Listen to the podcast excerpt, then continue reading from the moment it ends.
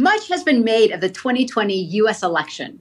Right now, just over a week later, pollsters are issuing mea culpas, Democrats are tentatively celebrating, Republicans are blowing their collective tops, lawyers are busier than ever, ballot counters are still hard at it, and demographers are desperately trying to understand who voted, for whom, where, and why. Much has been said of the Latino vote in this election, which is something I know a little bit about, having been working obsessively over it for the last 16 years. Latinos are the fastest growing demographic with the largest voter registration cap in America. A Latino youth turns 18 every 30 seconds. While the mode for whites in America is 58, the mode for Latinx is 11 years old. You heard that right. And it's these new voters and the youth who are translating America for their immigrant families who are leading the charge for audacious change. An estimated 73% of Latinx youth voted for Biden. As members of the largest generation globally, these Latino youth mirror their peers seeking intervention for climate equity, racial justice, and gender parity. What we're hearing right now in America and around the globe is a demand for a massive reset on how we will govern in the 21st century for a world that is livable, equitable, and just. Too many young people are drowning in student debt here in America. Their families have been ravaged by the pandemic, who have lost jobs, lives, and housing. And still, in 2020, they showed up for an America to believe in. Many say that 1914, the eve of World War I, defined the 20th century in America.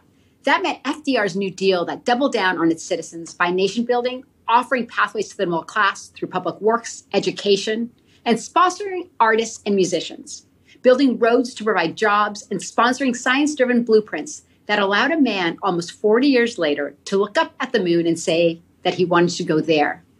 And we did that with less technology than the smartphone feeding this talk.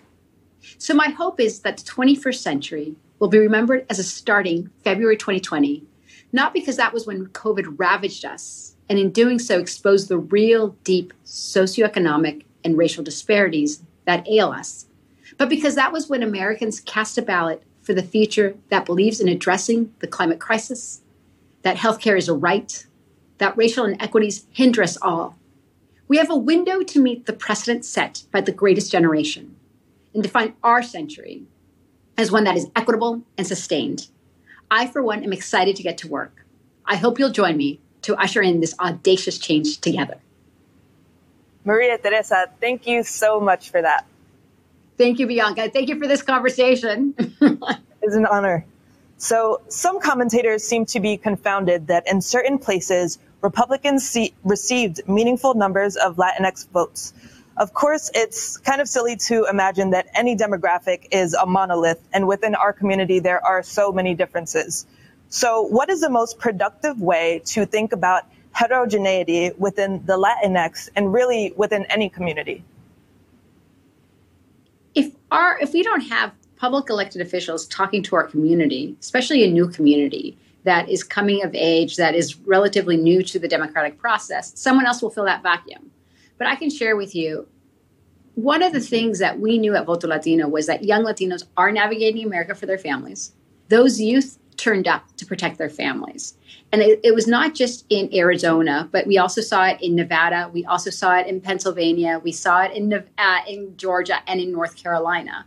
And if you want to have an inclusive America, you have to fight for the vote. And that is basically what we need to see right now. But when we talk to young people, they voted disproportionately because they wanted climate change, they wanted access to health care, and they wanted to talk about the real racial inequities. When George Floyd sadly was murdered tragically, Latinos were side by side with the African American community because we recognize that that is something that truly plagues our American existence and that we have to address it if we want to move forward. Absolutely. So, do you see evidence that patterns change regarding first and second generation Latinx voters? And how does assimilation play out in terms of long term voting trends? That's interesting. So, in we at Votolas, you know, we don't believe that you know we there's an assimilation, right? What we want is an enhancement of American culture. Just like we celebrate St. Patrick's Day, we want to be able to celebrate our roots and recognize the importance of that richness we are in a very unique moment in America where we have the most diverse population in the world. And one can argue that that is why some people don't want us to succeed, because it's our human capital, our vision, our ability to move forward, and our diversity that prepares us for this century. And so when we talk about the differences in the Latino community, it's also the differences in America that makes us so much richer with our imagination, with our ability to have entrepreneurship. And we have to use that and harness it for good. Some people will say racial, you know, it, race is what is our Achilles heel. I actually believe that it's the diversity of our races and our cultures that actually prepares us to battle the 21st century, that it's already interglobal. And the more that we harness that beauty of that diversity, that is what prepares us to compete and define the 21st century. Wow. Yeah, I, I think that's beautiful and totally agree. So, can we how can we make first time voters repeat voters who are engaged in future elections? And not just for presidential elections but for local government as well? One of the things that we are seeing is that we're seeing more young people run for office.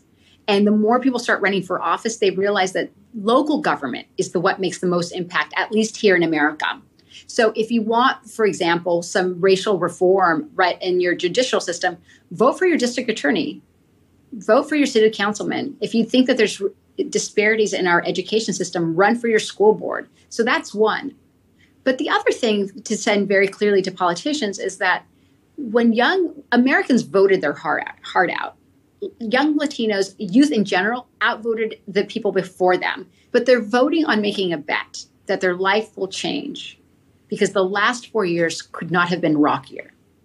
And if people, if the folks that are elected don't meet the challenges of addressing climate change, addressing racial equity and gender parity, and healthcare for all, they run the risk of not having those people run uh, vote again in 2024.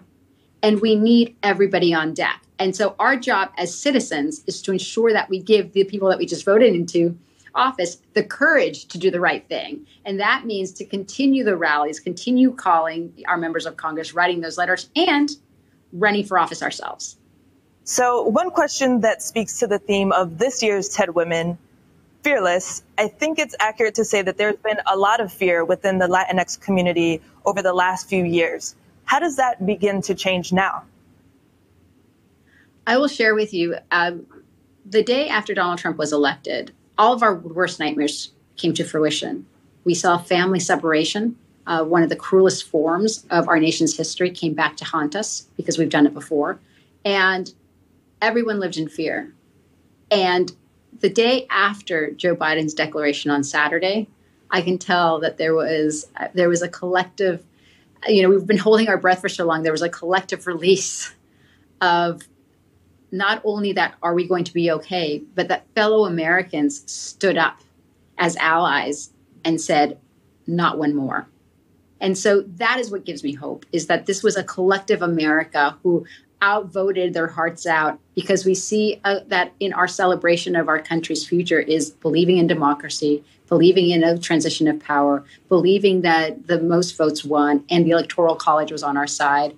And more importantly, that these issues that Trump tried to ascend his presidency for the second time that were based on racism, that were based on the callousness of treating people and women differently, that they were not going to withstand. And so we do have to rebuild, but we have to rebuild not because of the four years of Donald Trump. If anything, I think he just exposed a lot of our, you know, our fractures. We have to we have to re- rebuild based on the last, I would say, 20 years. Uh, but the great thing is, is that the voters are here for it and young people are here for it. I don't have to change, uh, you know, a young person's mind that that uh, that we are in a climate crisis. They get it. Cultural change is the hardest to do, but we have generation who is there with us because they're there and they get it. That's that's a relief. So you yourself have been fearlessly outspoken. What drives you forward personally? I deeply that's I, I don't know if I've been fearless. I deeply believe in our country and I deeply believe in in us. And I deeply believe that when we are present, there's nothing we can't do. And you know, when I say that the, we as a generation, we will not have an opportunity to reimagine what our country looks like, our systems of governments look like and there will be people, you know, my children are six and eight, who will ask me 15 years from now, like, what did you do? And I want to say that I was alongside allies and the American people to rebuild better and to reimagine better. And we have always been a country of entrepreneurship, design, and imagination. And what a perfect place to start when the majority of Americans are with us. Absolutely. Well, thank you so, so much, Maria Teresa.